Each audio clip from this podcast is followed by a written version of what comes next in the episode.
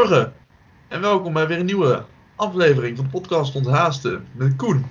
En Rick. En ik ben Rick. En ik ben Koen. Nog steeds. Goedemorgen. Goedemorgen Nog steeds.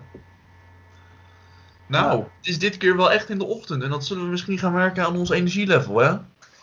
Nou, misschien dat mensen dat ook wel eens fijn vinden dat er wat, eh Ja. Wat er haaster, eh Ja. ontspannender klinken. Ja, Nou Koen, hoe is het? De wereld staat op zijn kop. de wereld staat weer op zijn kop. Ja, het is, eh, het is eh, een beetje onwerkelijk. Ik heb het gevoel dat we allemaal een beetje in de waan zaten dat dit niet meer ging gebeuren. En dat het nu toch weer gebeurt. Maar wat niet ging gebeuren? Dat echt alles dicht zou gaan. De complete lockdown. Ja. Terwijl de het mocht sportschool open. Helemaal niks. Helemaal niks. Alle essentiële winkels zijn dicht. Eh, mocht het mensen beter doen laten voelen. Ik wil aankomende maandag gaan verhuizen. En ehm, ik zou je zeggen dat het nog heel interessant gaat worden waar ik mijn bestek, borden, pannen, theedoeken en alles vandaan moet gaan toveren. Want eh, alles is dicht. Hmm. Ik had al Ja. op, op het bonk gekeken om even wat dingen te bestellen. en dan stond dat je er toch vanuit moest gaan bestellen natuurlijk. Dat het heel lang ging duren. Oh, iedereen bestelt natuurlijk. Iedereen bestelt. Ja, kijk, je hebt natuurlijk wel zoals de HEMA en zo die open is, dus je zou kunnen kijken. kunnen HEMA is open? Ja, weird hè. Dat is schijnbaar. Ze hebben eigenlijk alleen het eetgedeelte open. Ehm, maar er werd ook een man geïnterviewd die had papier gehaald. Hoe die dat dan doet? Eén paar papier. Ja, hij zegt ook: Ik ken beestjes die papier eten. ja, dat is ook zo.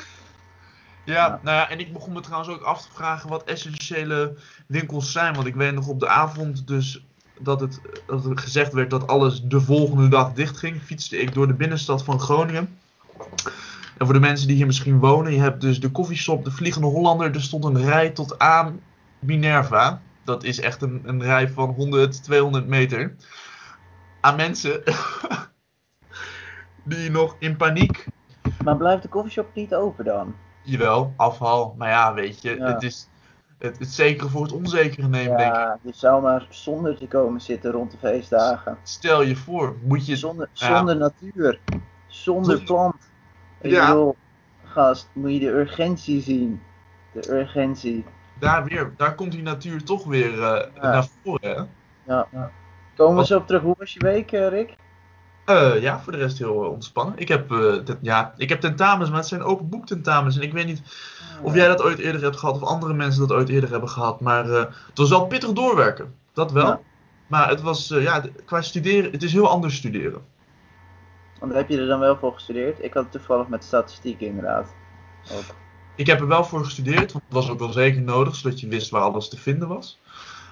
Maar eh, het was veel meer toepassingsvragen. En dat moet ik wel zeggen, aan de ene kant is dat fijn, maar aan de andere kant, ehm, kijk, als je op de middelbare school zit, is het heel vaak toepassen, omdat je heel vaak vragen beantwoordt. Je hebt een werkboek of zo, weet je wel, ik weet niet hoe dat heet. Kijk, en dan maak je vragen en opdrachten over de stof. Maar dat doe je eigenlijk op de universiteit, doe je dat niet. Je maakt één grote opdracht vaak. Dus dan eh, moet ik zeggen, dan overvalt het je wel dat het ineens is van, nou, noem drie voor- en nadelen van de, de, het hervormen van de gezondheidszorg richting de, in, of de publieke of de private sector. Dat ik echt denk, ja, daar vraag je me wat. Ja. Hm. Maar het is ook wel weer een keer eh, een leuke afwisseling. ja, die lijkt me nog wel lastiger, want wij hadden het dan met statistiek, maar dan is het gewoon hoe interpreteer je dit getal? En hoe interpreteer je dit getal? En dan krijg je gewoon een resultaten te zien en dan zeg je wat betekent dit getal? Zeg maar, en dat is dan eigenlijk toch wel, wel wat simpeler, denk ik. Het is wat, het is, kijk, wiskunde is vaak duidelijker interpreteerbaar, zou ik willen zeggen. Omdat het gewoon, het is wat het is. Dat getal is voor jou hetzelfde als dat het voor mij hetzelfde Daar is. valt geen mening over te hebben. Tenminste, je kan er wel een mening over hebben, maar niet, eh niet Veel over zo'n interpretatie. Nee, het is veel, eh, veel minder bewegingsruimte. En maar voor de rest, ik, eh, ja, hoe was jouw week? Ehm, ja, oké. Ehm, van de week gevierd dat eh, Anne en ik vijf jaar samen zijn. Gefeliciteerd. Dankjewel. Dus dat is, eh, is toch wel een mijlpaal, vijf jaar denk ik zo. Nou, doe je nog niet na. Nee, dat gaat vanzelf hoor. Oh, ja, ik doe zo Nou. hard mijn best. Sorry, dat zeg ik wel, maar het gaat niet vanzelf. Dat was echt veel te makkelijk gezegd van me. De tijd gaat wel ze- vanzelf voorbij, maar een relatie in stand houden, dat is niet iets wat, wat vanzelf gaat. Ja, schuren tot het glanst, Koen. Schuren tot het glanst. Precies. Ja, maar ja, weet je wat het is? mensen, ja, want zijn er mensen die wel eens geschuurd hebben, dat kost echt een partijtje energie. Gewoon, weet je, als je een mooie houten Ja. balkgrond wil krijgen of zo, dat is echt, dat doe je niet even hoor. Nou ja, ik moet eerlijk bekennen dat ik, ik was 14, 15, toen was ik al twee meter lang. Dat weinig mensen meiden met mij wilden schuren, omdat ze dan tegen mijn bovenbeen aanschuurden. En dat was niet, ehm, ja, zowel voor hun als voor mij ongemakkelijk, laat ik het zo zeggen. Lange mensenproblemen. Thanks man, eh, dat je ja. ons even een kijkje in jouw wereld geeft. Ja, Altijd inderdaad. fascinerend. ja, Oh. dus ehm, Ja, maar en verder, eh gisteren ehm gister was ik studentlid van het auditpanel eh, voor het accrediteren van de opleiding voeding en diëtetiek aan de NTI. zo. Dus dat is altijd wel leuk om te doen. Dat doe ik wel vaker als, als werk. Eh, elke opleiding moet dan om de zes jaar geaccrediteerd worden. Dus eigenlijk gewoon gecheckt van hey, deugt jullie opleiding wel? Is de kwaliteit wel naar behoren? Eh, dat soort dingen. Normaal gesproken krijg je dan echt, dan word je uitgenodigd op de school en dan ga je een hele dag lang ga je daar rondlopen en dan laat ze je alle mooie plekjes zien. En eh, dan laat ze, dan spreek je studenten en docenten en, en Ja. van alles en nog wat. En nu was dat op het laatste moment verplaatst naar een online audit. En dat was toch wel zwaar man. Van 8 uur s ochtends tot 6 uur s avonds Ja, achter de laptop zitten te zoomen met eh, verschillende groepen mensen. ja. Dat is zo pittig. Maar wel Allemaal leuk. digitaal. Niks natuurlijks aan, hè? Nee, dat is echt kut. Dat is echt, eh zo moeder natuur dat niet bedoeld. Nee. Nee. Jij, heb jij recent nog een wandeling gemaakt? Moeder Natuur Nee. gezocht. Nee, Niet Koen. Zou je dat Nee. nu... En eh voorafgaand deze podcast heb je misschien wat dingen gelezen. Zou je dat nu wel doen? ja, ja, ik ben, het, ik ben wel weer even met mijn neus op de feiten gedrukt, ja. Nou. Man, oh man, oh man. Zou de haast depressief van worden van het feit, weet je allemaal wel niet. Als je deze podcast regelmatig luistert, dan is dat echt, dan kan dat een confrontatie zijn met jezelf. Ja, dan merk je eigenlijk hoe kut je leven is. Slaap je wel genoeg? Eh, eh, zoek je wel genoeg natuur op? Ehm, Ben je überhaupt wel onthaast? ja, Stress? waar zijn we eigenlijk mee bezig? Oei, oei. Ja, want daar Ik gaan we het over hebben, hè? Ja, ik zou zeggen, eh, leid hem in. Zet, zet hem in. Nou, we gaan het hebben over eh, natuur en groen eigenlijk. We hebben. Ik denk dat iedereen wel een vaag gevoel bij zichzelf heeft wat natuur en groen met je doet. Toch? Als Ja. je denkt aan ontspannen, dan denk je toch al snel wel aan. Of snel, dan, dan kan ik me voorstellen dat je denkt aan een wandeling in de natuur maken. Dus dat hebben wij even kort uitgezocht. En daar wou ik het deze week over hebben. Want ik heb van alles gevonden. Van daadwerkelijk wandelen tot de tijd dat je spendeert in natuur. Tot dat je, hoe je je omgeving inricht eigenlijk. En waar ik allereerst mee wil beginnen. Is een studie die ik gevonden had uit 1973. 79. Zo. En dat is natuurlijk, er wordt heel erg in de discussie gezegd hoe biased het eigenlijk is en hoe dus misschien niet zeggend het kan zijn. Maar ze lieten mensen kijken naar beelden van landschappen, dus natuur, bomen, bossen, weilanden. En ze lieten mensen kijken naar stedelijke eh, ja, landschappen, Steden. ja, stedelijke steden. En dan gingen ze kijken, vooraf meten aan emoties, hoe ze zich voelden. En achteraf hoe ze zich voelden aan emoties. En ik heb hem hier op mijn tweede beeldscherm staan. Wat denk je, Koen? Waren ze meer of minder bang?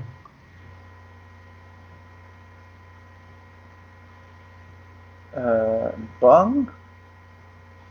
Fear arousal. Dus feel fearful, heart is beating faster, breathing faster. Ja, dat zou wel in de steden zijn dan, denk ik. Je, moet het, eh, je hebt before slides, dus voor het laten zien, na het laten zien. En dan heb je de urban group en de nature group. Dus bij beide hebben ze dat eh, laten zien. En dan eh, denk je dat de mensen die dus de urban dingen hebben gezien, meer of minder angstig voelden. Voor of tijdens of na? Daarna. Dus ze hadden bijvoorbeeld eerst hadden ze score 2. Daarna hadden ze score meer of minder. ja, daarna denk ik dat, dat, de steden meer angstig waren of zo. Denk ik. Nou, is niet zo. Zo mooi is het niet. Maar het is wel zo dat bij de natuurgroep het een stuk minder is.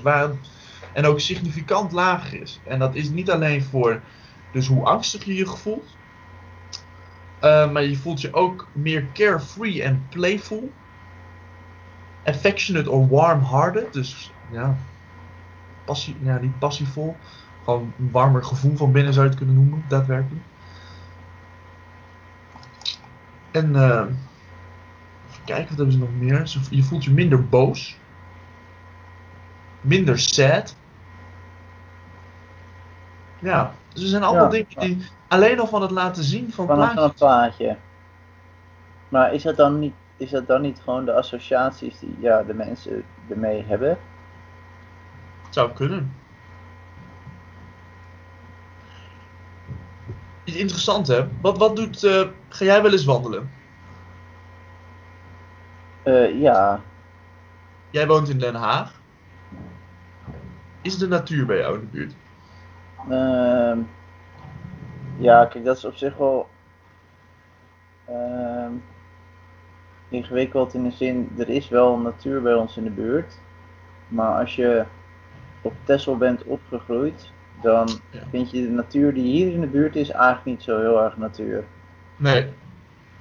Dus eh, op het moment dat je door de natuur loopt op een betonnen paadje, dan heb je al het idee van hoeveel natuur is dit nou eigenlijk? Maar het is eigenlijk wel natuur, want het is wel een soort van een bos en een en, eh, en duinen hebben we en dat soort dingen. Dus op zich is wel natuur, maar het, het voelt altijd toch nog wel wat stedelijk aan, vind ik. Ja, oké. dus, maar als je dan op Texel bent, waar je denk ik dan echt omringd bent door natuur.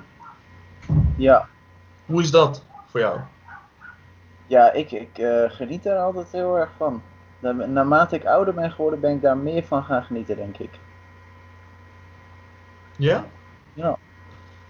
Maar wat, in, in welke zin geniet je dan?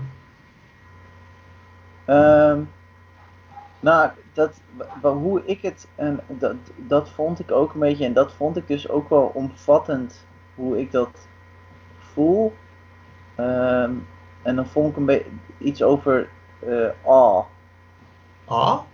ah, Ah! ah. Wat is ah? Zo van, eh, dat is dan in het Engels A-W-E, ah. En dat is Oh, niet echt iets waar we een Nederlands woord voor hebben. Verbazing. Ehm, ja. Maar het, dat is wel een soort van emotie. Dus, ehm, en je hebt ook, ik weet niet hoe heet hij ook weer, Shots of Awe. Dat is zo'n, ja, die gast is geniaal. Die heeft allemaal van die filmpjes en die kan echt, die vertelt dan wat er awe aan het leven is. En ik heb altijd in de natuur dat gevoel van awe. En dat komt eigenlijk erop neer dat je soort van blij en ontzag en respect en angst en van alles en nog wat eigenlijk bij elkaar voelt. ja. En, en da daar herken ik me wel een beetje in. Vooral als je echt in de natuur bent, dan, heb je, dan word je er gelukkig van, maar je hebt er ook wel echt zeg maar, een soort van respect voor of een soort van ontzag voor, omdat je ook beseft dat je echt kansloos bent in de natuur. En dat als het zou willen, dat het gewoon gehakt van je zou maken. Ik heb ook altijd, als ik ga wandelen, om daarbij aan te sluiten, ik, het voelt altijd alsof je ook echt, als je echt in de natuur bent, alsof je deel, dan Kijk, wij denken heel vaak als mens zijn dat wij de baas zijn van de wereld. Maar als je echt in de natuur bent, heb ik heel vaak het gevoel, ik ben niet, wij zijn niet de baas van de wereld, maar wij zijn onderdeel ervan. En eigenlijk hebben we helemaal niks, inderdaad, niks te zeggen. Ja. Want zelfs als wij de hele aarde met elkaar verkloten met eh, climate change, opwarming van de aarde, de, de wereld gaat wel door. Wij kunnen komen, stel dat het zo eh, apocalyptisch is als dat wij ooit komen te vergaan, de wereld herstelt zich wel. Ja, het is vooral natuurlijk dat wij het klimaat waar wij in kunnen leven naar de shank helpen. Maar het is niet dat er geen klimaat meer is daarna. Of geen natuur meer is. Het is gewoon Nee. meer dat wij er niet in kunnen leven. Ja.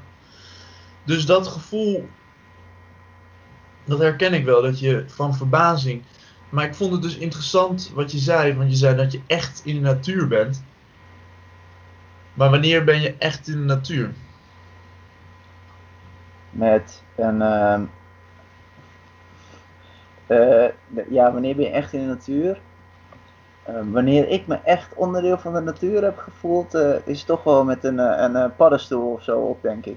Oh, zo. Om Ja, hem maar even oh. erin te gooien. Dat zijn wel mijn momenten geweest dat ik echt het idee heb gehad dat ik eh, echt in de natuur. Maar ik weet niet of je hem zo bedoelde, de vraag. Niet per se, maar ik vind het wel een interessante invalshoek. Ja, Want ik herken dat ook wel. want Je hebt het over, je hebt het over magic mushrooms. ja psychedelica. Psychedelica, ja, nou, als je dan voel je dan. Dan lijkt alles voor mijn gevoel altijd ineens een stuk meer te leven. Ja, en het fascinerende is dat je dus een stukje natuur naar binnen werkt en daardoor zeg maar zo anders gaat kijken naar natuur. Dat vind ik wel het fascinerende eraan. Ja, ja, dat denk, ja, grappig hoe dat werkt. Maar als je, ik, ik- ik denk niet dat, je, dat we kunnen zeggen dat je altijd maar paddo's of truffels moet Nee, nemen. nee, laten we dat, laten we dat, dat, dat punt bedoelde ik niet te maken inderdaad. maar als je, ik, ik denk ook als ik kijk, kijk, want ik woon hier in Groningen aan een buitenwijk, nu nog. En ik heb wel een bosje bij ons in de buurt en dan kan je denk ik ongeveer vijf...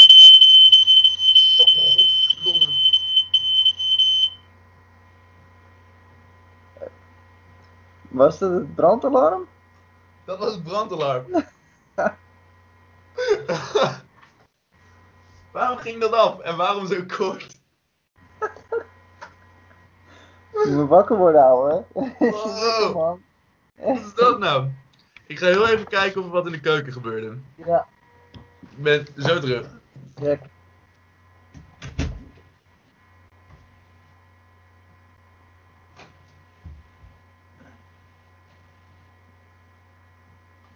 Dus, welkom bij de podcast van Koen. Eh, ik, heb, eh, Rick heb ik gedumpt. Dus eh, ehm, de podcast gaat, gaat. Ik ga solo verder. Weet je, iedereen zat hierop te wachten. Dus ehm, ik denk, ik ga maar gewoon inzetten. Ik heb Rick weggestuurd. En het wordt nu de Koen Show. En eh, eigenlijk het, eh, de opzet is dat ik gewoon een beetje eh, ja, ga zitten lullen. Ik snap er de ballen van. nee, niks aangebrand, niks. eh, Het is niks aangebrand. Mijn andere huisgenoot slaapt nog. Oh, Ik, ik ben. Ik... Jij hoorde hem ook, hè? man. Ja, ja, ja. ja, ja. Getting crazy. Ik begin eruit. dat- Misschien was het wel alleen niet van mij, maar waarom dan niet van mij? Het was ook kort, hè? Het was heel Ja, kort. het was echt kort. Nou. Zeg het maar. Laat het van je afglijden, Rick. Wat zei je? Laat het van je afglijden. Ja. Het is niet anders. Eh, waar waren we? Oh ja, bosje hier in eh Vinkhuizen. Ja. Ik kan 15 minuten doorheen lopen. Ja. Maar dan ben ik niet echt in de natuur. Ik heb toch wel altijd het idee dat je dan inderdaad nog een beetje in de stad bent. Want als ik bij mijn Ja. ouders ben in Bronniger, boerenlandschap in Drenthe, dan, kan je, dan kan je echt wel meer de natuur in gaan. Dan, en ik ook, wat ik wel zelf merk, is dat je daar dan best wel van tot rust komt. En het blijkt dus ook, want dat had ik ook gevonden.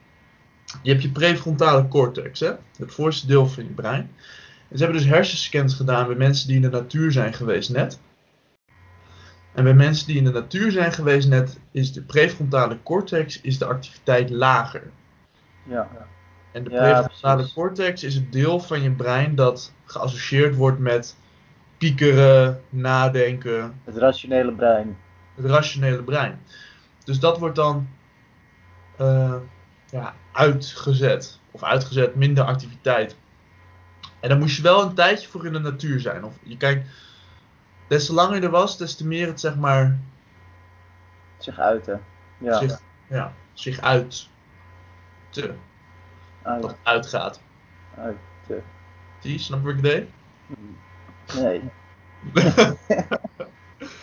nog te vroeg denk ik. maar ik vraag me af, want jij en ik komen allebei van landelijke Ja. gebieden. Zou natuur. Zou echt natuur anders zijn voor iemand die opgegroeid is in de stad? Of is het toch iets dieper menselijks dat je dan toch het verschil nog kan maken? Snap wat ik bedoel? Dat, Hmm. is het een relatief iets? Of is het een absoluut iets? Ja, en inderdaad, wat, wat is, ja, dan is ook een beetje de vraag van wat is natuur dan, weet je wel? Dat is ook best wel een beetje, dus voor hetzelfde geld is dus voor iemand die inderdaad wat je gewend bent, dat dat inderdaad ook wel invloed heeft over wat jouw lichaam dan als natuur ziet. Want jij en ik komen van het, een landelijk gebied. Waardoor als ik een, een park zie in een stad, wel denk dat is natuur. Maar het is geen echte natuur, want het is aangelegd en het is Ja, toch in zekere zin nep. ja. Ja, kijk, en dat is wel grappig. Ik heb toevallig een boek gelezen laatst over natural en over dat wij dus wat nou eigenlijk de definitie van natuurlijk is. En als wij het woord natuurlijk gebruiken, dus dat het uit de natuur komt met eten of met eh, wat dan ook, dat we dat associëren met iets positiefs, maar dat je natuurlijk eigenlijk die scheidingslijn van wanneer is iets nou man-made en daarom Ja. niet natuurlijk en wanneer is iets natuurlijk, dat ligt natuurlijk, dat, dat is een beetje vaag, want bijvoorbeeld Texel is voor de helft uit de grond gestampt door mensen. Ja, En bijna al dat bos is door de mensen aangelegd. heel veel in door- Nederland. Ja, als je daar nu doorheen loopt, dan merk je dat niet. Dan, dan weet je dat niet. Terwijl, kijk, als ik hier door het bos loop en ik hoor overal auto's en de snelweg, en dan voelt het dus niet natuurlijk aan voor mij. Maar als ik op Texel loop en ik hoor helemaal niks, alleen maar vogeltjes, en ik zie om me heen alleen maar bos en strand en wat dan ook, dan voelt het wel natuurlijk aan voor me. Dus dat is wel. Maar of dat dan dus voor iemand is die in de stad woont en altijd daar gewoond heeft, ook zo is, dat weet ik niet zo goed. Oh, dat is een hele goeie. Want die is misschien dan auto's gewend en die ziet dat dan toch Ja. als toch me ja. Want je zou zelfs die scheidingslijn tussen wat is natuurlijk en wat niet. Alle eerlijkheid, ik kijk hier nou naar voren uit mijn raam en dan denk ik, ja, ik zie een huis gemaakt van steen en cement en ik zie een schuurtje van hout. In principe zou je kunnen zeggen, dat is ook natuurlijk. Ik bedoel, wij zien een, een, een, konijn, eh, eh, een, eh, een konijn die een gat graaft, dat zien we ook als natuurlijk. En dat van ons is dan een stuk com- complexer, maar uiteindelijk is een stad natuurlijk ook gewoon een natuurlijk fenomeen. Dat wij dat, alleen wij maken het. En dat maken Ja. we niet meteen niet En het is gemaakt van. En het zijn bouwstoffen. Steen is ook iets wat je kan vinden in de natuur. Het is niet dat we het ergens vandaan toveren of zo. Nee, het is niet, het is niet zo synthetisch als bijvoorbeeld plastic. Plastic zie je niet in de natuur. Nee. Maar het is toch het, het ergens misschien het, het de gang laten gaan van natuur, wat het natuurlijk maakt. Ja. Want je vindt een huis, vind je niet, zoiets vind je niet in de natuur. Maar uiteindelijk, kijk, wat jij ook zegt, en dat heb ik ook wel gevonden. Kijk, het feit dat als jij door een bos loopt en daar echt ontspannen, de, ehm, echt weg bent van de stad, dat inderdaad wel echt je hartslag omlaag gaat en Ja, ehm, je van meer intern naar extern gaat, waardoor je meer empathisch wordt en dat soort dingen. Dat, is, dat gebeurt niet in een huis, dat gebeurt in een bos waar je wandelt. Of dat gebeurt in een bos midden in Den Haag, dat weet ik niet zo goed. Ehm, aan de andere kant denk ik, ja, waarom niet? Weet je, dan zie je ook gewoon bomen en groen en. Nou ja, wat ik dus wel heel interessant vind, want we hebben het nu dus over de scheiding tussen wanneer is natuur natuur genoeg, zeg maar, om je te onthaasten, laat ja. het zo zeggen. Maar ik heb dingen gevonden over het effect van natuur in je leefomgeving. Zij het in je kamer, in je woonkamer, noem ja. het maar op. Dat heeft ook allemaal associaties met fysiek en mentaal welbevinden. Want wij hebben ook gewoon natuur in ons huis zitten. Overal. Ik heb hier plantjes staan. Overal. Verschillende soorten. En die zijn natuurlijk ongelooflijk menselijk, want we moeten ze zelf water geven en we hebben ze zelf gekweekt met z'n allen en weet ik veel wat. Maar toch voel ik op een of andere manier. Kijk, want ik vind planten leven ook gewoon. En het voelt toch alsof ik, ik. Ik zou willen zeggen dat ik er minder eenzaam door zou voelen. Omdat ik het idee heb dat ik omringd ben door levende dingen. Ja, toch iets levendigs in huis. Levendigs in huis. Het voelt ook alsof ik dus haast onderdeel ben van iets, van iets groters. Omdat ik dus niet alleen voor mezelf moet zorgen, maar ik ben ook belangrijk. Zoals je bijvoorbeeld voor een huisdier kan voelen dat je belangrijk bent voor een huisdier. Omdat je moet eten geven, water en mee moet wandelen als je een hond hebt bijvoorbeeld. Zo voel ik mij ook verantwoordelijk voor mijn, het welzijn van de planten in mijn kamer. Ik vraag me, vind ik trouwens, om daar ik vraag me altijd af of honden en zo, vooral honden eigenlijk, of die wel gelukkig zijn in de stad. Als ik dan zo hier mensen zie lopen met zo'n hond over de stoep heen en dat ze dan af en toe wat gras meepakken langs de tramrails, dan denk ik echt, zo'n hond kan dat, dat, dat kan toch niet. Het kan toch niet gelukkig zijn als ik dan altijd op Tesla zie, weet je, dan gaan honden helemaal gek en dan lekker door het bos en over het strand en weet ik veel wat allemaal. En dan heb je hier in de stad een hond. En dan denk ik echt, wat doe je zo'n hond aan? Ja. Ja. Dat, vraag ik me altijd een beetje af. Of je zo'n beest niet echt in een omgeving zet waar het gewoon eigenlijk helemaal niet, helemaal niet lekker is of zo. Maar waarom als, het, als jij merkt dat jij, ik merk en jij merkt volgens mij ook, dat je dus liever wat meer natuur om je heen hebt, dat dat goed voor je voel aanvoelt. Jij maakt de vergelijking met dieren, dat het voor dieren dus ook goed aanvoelt. Waarom wonen we dan in steden? Ja, dat is toch wel een natuurlijke neiging zo'n beetje die we hebben. Want je hebt ze overal, die steden. Ja, je ontkomt er niet aan. Het is niet een westers fenomeen of zo, of een wat. Het, het, nee. Sinds we zeg maar zijn gaan stoppen met jagen en verzamelen, zijn steden echt een, een, een, een iets wat gewoon, ja, van nature is ontstaan. Je kan niet, ik, ik vind dat toch wel een natuurlijk fenomeen of zo. Dus het heeft ook wel iets. Zijn we dan doorgeslagen? Of gewoon met te veel? Want als ik denk waarom we in steden wonen, dan is het, het heeft. Hoewel we dus het niet doen aan natuur, wat dus blijkbaar best wel veel, zowel anekdotisch voor ons als uit onderzoeken positieve effecten heeft. Ja. Um, hebben steden natuurlijk, denk ik, uh, het voordeel dat je, je bent sterker als je samen bent. Je hebt meer mogelijkheden, qua, zij het, qua banen, qua sociale opvang. Het is makkelijker organisatorisch te regelen als je allemaal op één plek woont. Je hebt hier veel meer mogelijkheden als in van musea tot bioscopen tot... Maar is het niet gewoon een economisch ding? Ja, ook. Is dat eigenlijk niet gewoon het resultaat van van het hebben van een, een, een economie. Zo'n grote economie dat je dus gaat handelen met elkaar. En op het moment dat je gaat handelen met elkaar en banen gaat creëren, is het veel makkelijker om dat op één plek te doen. Dus dan komen mensen daar naartoe met het idee dat ze dan een baan kunnen vinden en geld kunnen verdienen En wij hebben, kijk, ik denk wij hier in Nederland zouden nog de luxe hebben om minder stedelijk te wonen, omdat wij zijn A, heel klein met een hele goede infrastructuur die ons het doet, de mogelijkheid doet hebben om ook vanaf het platteland bijvoorbeeld of meer in de natuur toch nog een hele succesvolle economie te kunnen Ja. laten draaien.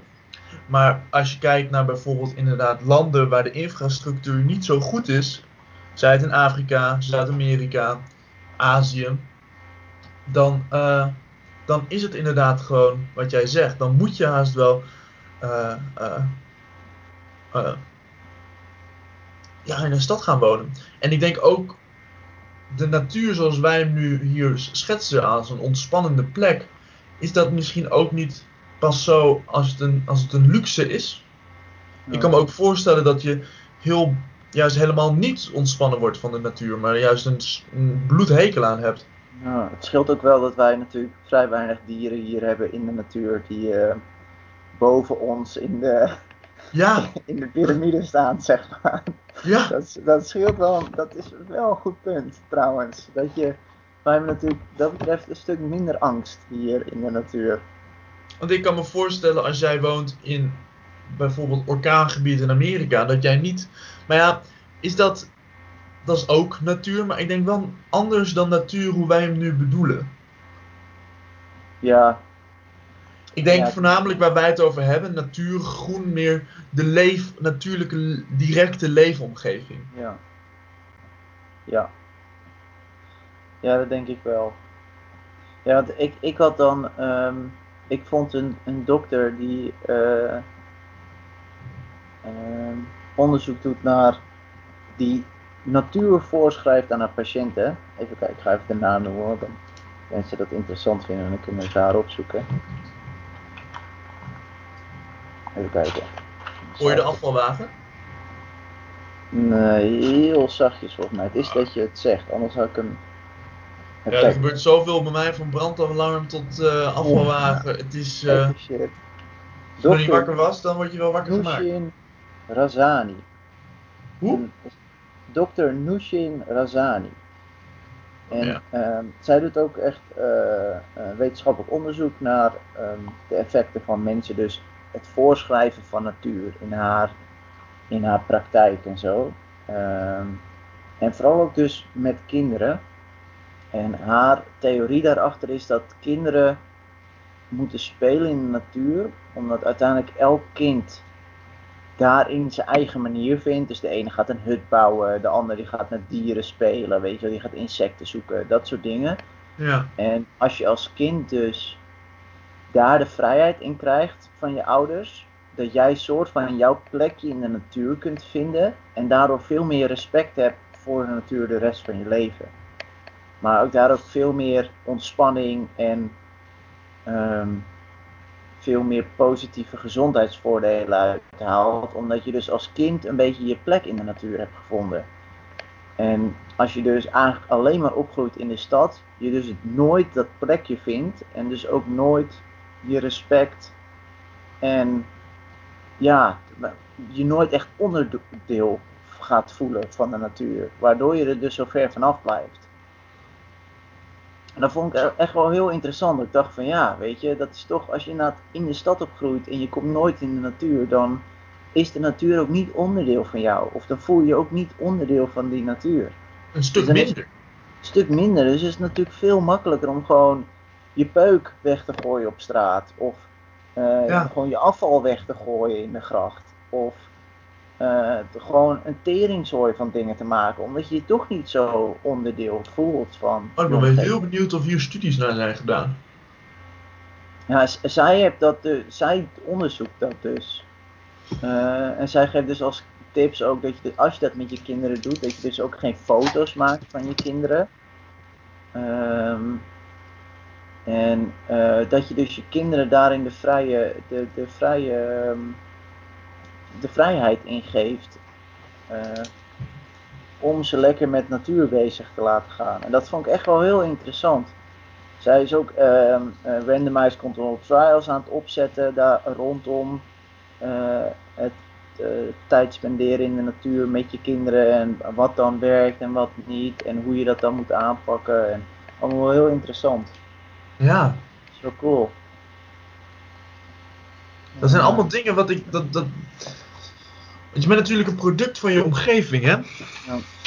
En dan vraag ik, en het, is het een hele lastige vraag, denk ik, in hoeverre dat eh, eh, inderdaad. eh, door trilt in, in al je lagen van je, van Ja. je zijn. Nou ja, inderdaad, echt al vanaf kinds af aan. Weet je, als kind zijn, dan ben je, word je natuurlijk gewoon nog zo gevormd. En we hebben natuurlijk eigenlijk nog geen, als persoon zijnde, ben je niet bewust van hoe dat dus nu nog effect op je heeft. Nee. Maar er zijn heel veel dingen inderdaad in je kindertijd die, eh, die, die ervoor hebben gezorgd dat je nu bijvoorbeeld angstig bent of juist veel zelfvertrouwen hebt of eh, eh, noem het maar op. Ja. Er zijn, volgens mij zijn er ook wel, er zijn bepaalde momenten in het kind zijn die cruciaal zijn. Bijvoorbeeld als je tussen de 6 en de 8 jaar, dan moet je dit of dat hebben ontwikkeld. Anders dan is de kans dat je het ontwikkelt nihil in de rest van je leven. Ja, in ieder geval slecht ontwikkeld. Ja, Eh, volgens mij is het ook zo'n kwestie van dat je voor je vierde of vijfde eh, redelijk gesocialiseerd moet zijn, omdat je anders veel meer agressie later in je leven toont en dat soort dingen. ja, Dus wat dat betreft is dat natuurlijk cruciaal. En ik denk dat natuur daar ook gewoon cruciaal in is.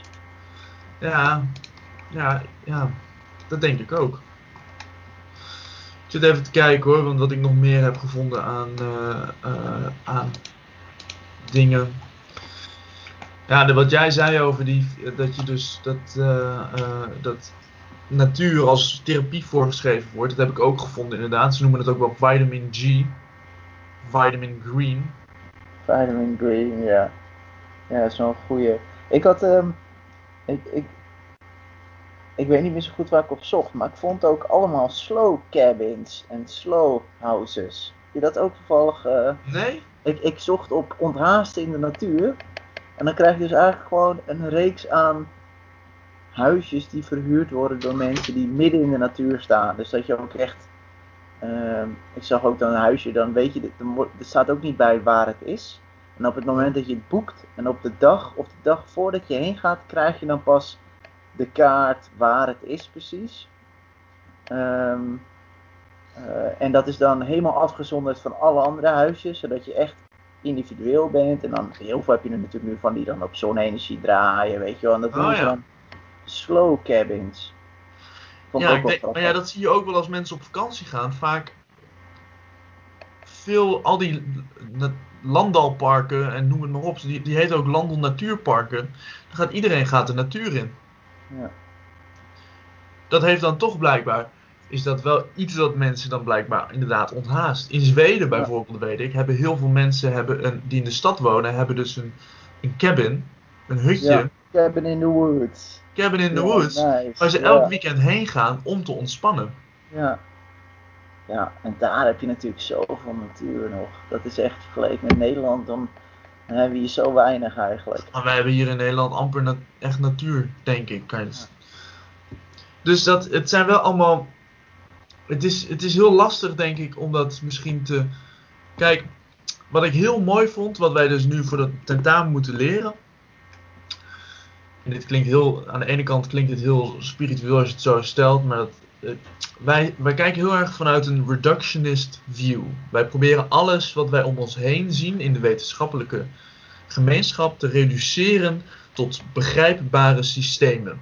Zo klein mogelijk. Zo klein mogelijk, want als, als het zo klein mogelijk is, met zo'n duidelijk mogelijke concepten, dan kunnen we alles Ja. beïnvloeden.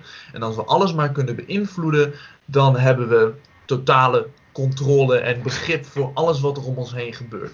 Wat natuurlijk in sommige eh, eh, eh, dingen heel handig is om te weten, natuurlijk. Maar zeker. is wel ver gebracht. Het heeft ons ver gebracht. Maar er is, zijn dus nu is er dus een tegenbeweging en die noemen zichzelf dan, dat zijn complex adaptive systems. En die gaan er dus van uit dat je een systeem nooit afzonderlijk kan zien van alle andere systemen, omdat het inherent interdependent is, non-lineair en eh, eh, onver- onverklaarbaar niet, unpredictable, on, onverwachts. Dus eh, soms dan denk ik bij mezelf, in hoeverre kan je dingen, zoals natuur, maar ook meditatie bijvoorbeeld, in hoeverre kan je dat soort gevoelens van ah, weet je wel, of ja, weet ik veel, noem het verlichting, weet je, dat gevoel dat je krijgt van mediteren, weet ik het wat. Hoe, in hoeverre is dat iets wat je meetbaar kan maken? In hoeverre blijft het niet soms gewoon anekdotisch door inderdaad te zeggen, ja, ik was verbaasd toen ik daar door de natuur heen liep. In plaats van dat je zegt, nou hier is een vragenlijst, weet je, in hoeverre is die vragenlijst, is die valide? Kan die altijd maar alles meten wat we proberen te meten? Ja, en, en dan kom je natuurlijk ook met dat stukje eh, placebo.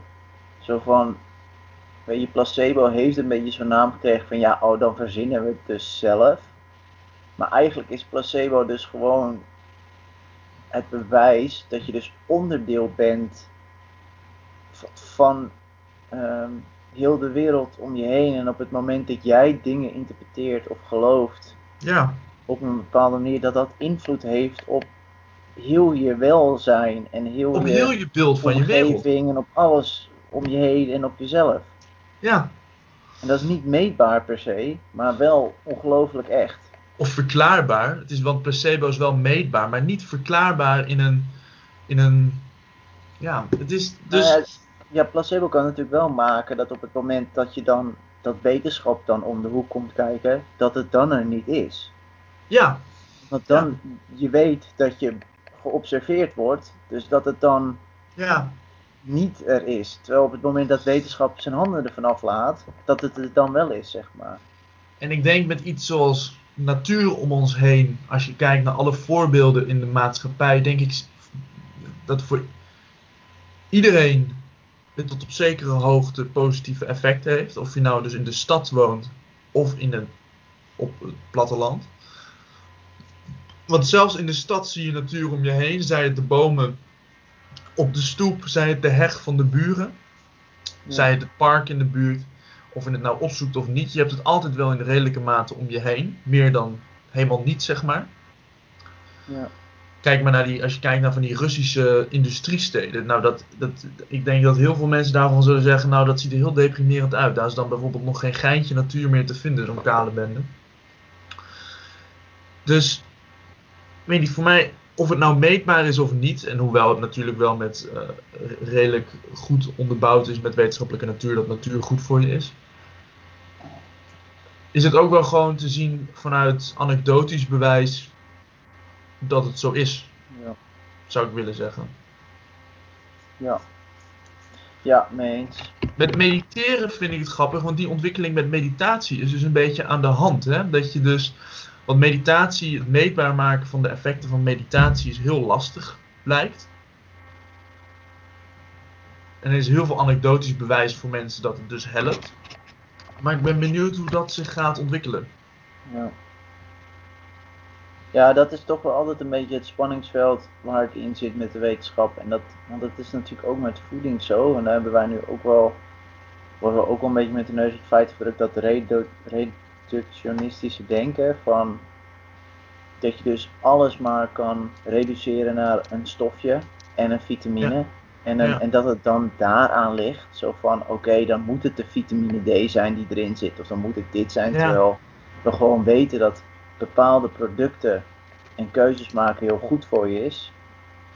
En dan per se die vitamine daaruit te halen, niet per se Nee, dan ook moet werken. Zo van, oh, nou als je dan gewoon de vitamine C eruit haalt in een pilletje stopt en je neemt dat pilletje, dan heb je ook gewoon die gezondheidsvoordelen, weet je wel. Terwijl we dat, dat eigenlijk niet per se zien eh, en toch wel verkondigd wordt door veel mensen. Terwijl ik denk van ja, weet je, voor hetzelfde geld is het gewoon het eten van de hele groente. Het eten van heel die producten, dat, dat we daar goed op gaan. ja, En dat we dan niet per se heel reductionistisch er dan moeten naar gaan kijken van oh, welke stofjes daarin zijn er Ja, dan, ja. weet je wel. En, eh, en dat is misschien ook met de natuur zo. Gewoon van, weet je, ga gewoon de natuur in. En misschien Ervaar het ook zelf. niet druk erover, ja, weet je, niet te druk over maken van wat het dan precies in de natuur is en hoe het dan werkt. Nee, weet je, we zijn er honderdduizenden jaren zijn we erin geëvolutioneerd. Ehm, en steden zullen ook iets natuurlijks hebben, maar probeer daar wel een balans in te vinden. ja. Ik weet in ieder geval, en ik denk dat we dan een beetje naar de afsluiting toe gaan van de podcast. Ja. Voor mezelf, anekdotisch, is het gewoon heel ontspannend. Het, eh, het, eh, het is fijn eruit te zijn. Je voelt je onderdeel van een groter geheel. Ik vind het prettig als er planten om me heen zijn. Ja, In een kamer. En ik denk, eh, het wetenschappelijk bewijs laat dat ook wel zien. En ja, doe ermee. Zeker nu denk ik met die lockdown die eraan komt. ja, Die er is. Ga, zoek het, blijf de natuur opzoeken. ja. Nee eens. Ja, kijk, ik heb het, weet je, als ik iets. Er zijn twee dingen die ik mis aan Texel. En dat is mijn familie en eh, familie, vrienden en, eh, en de natuur. Ja. Ja. Eh, dat is gewoon echt. En ik ben al lang blij dat ik nu daarna gewoon zodat ik een keer het strand op kwam en door de duinen heen kwam. En er is al wat meer bos dan eh, dichterbij dan in Leeuwarden was. Ja. Ehm, maar ik gun het iedereen. Dus ga lekker op vakantie naar Texel. Geniet er lekker van. Of een van de andere eilanden. Net zo leuk. Ga er even lekker uit. En eh, geniet van de natuur.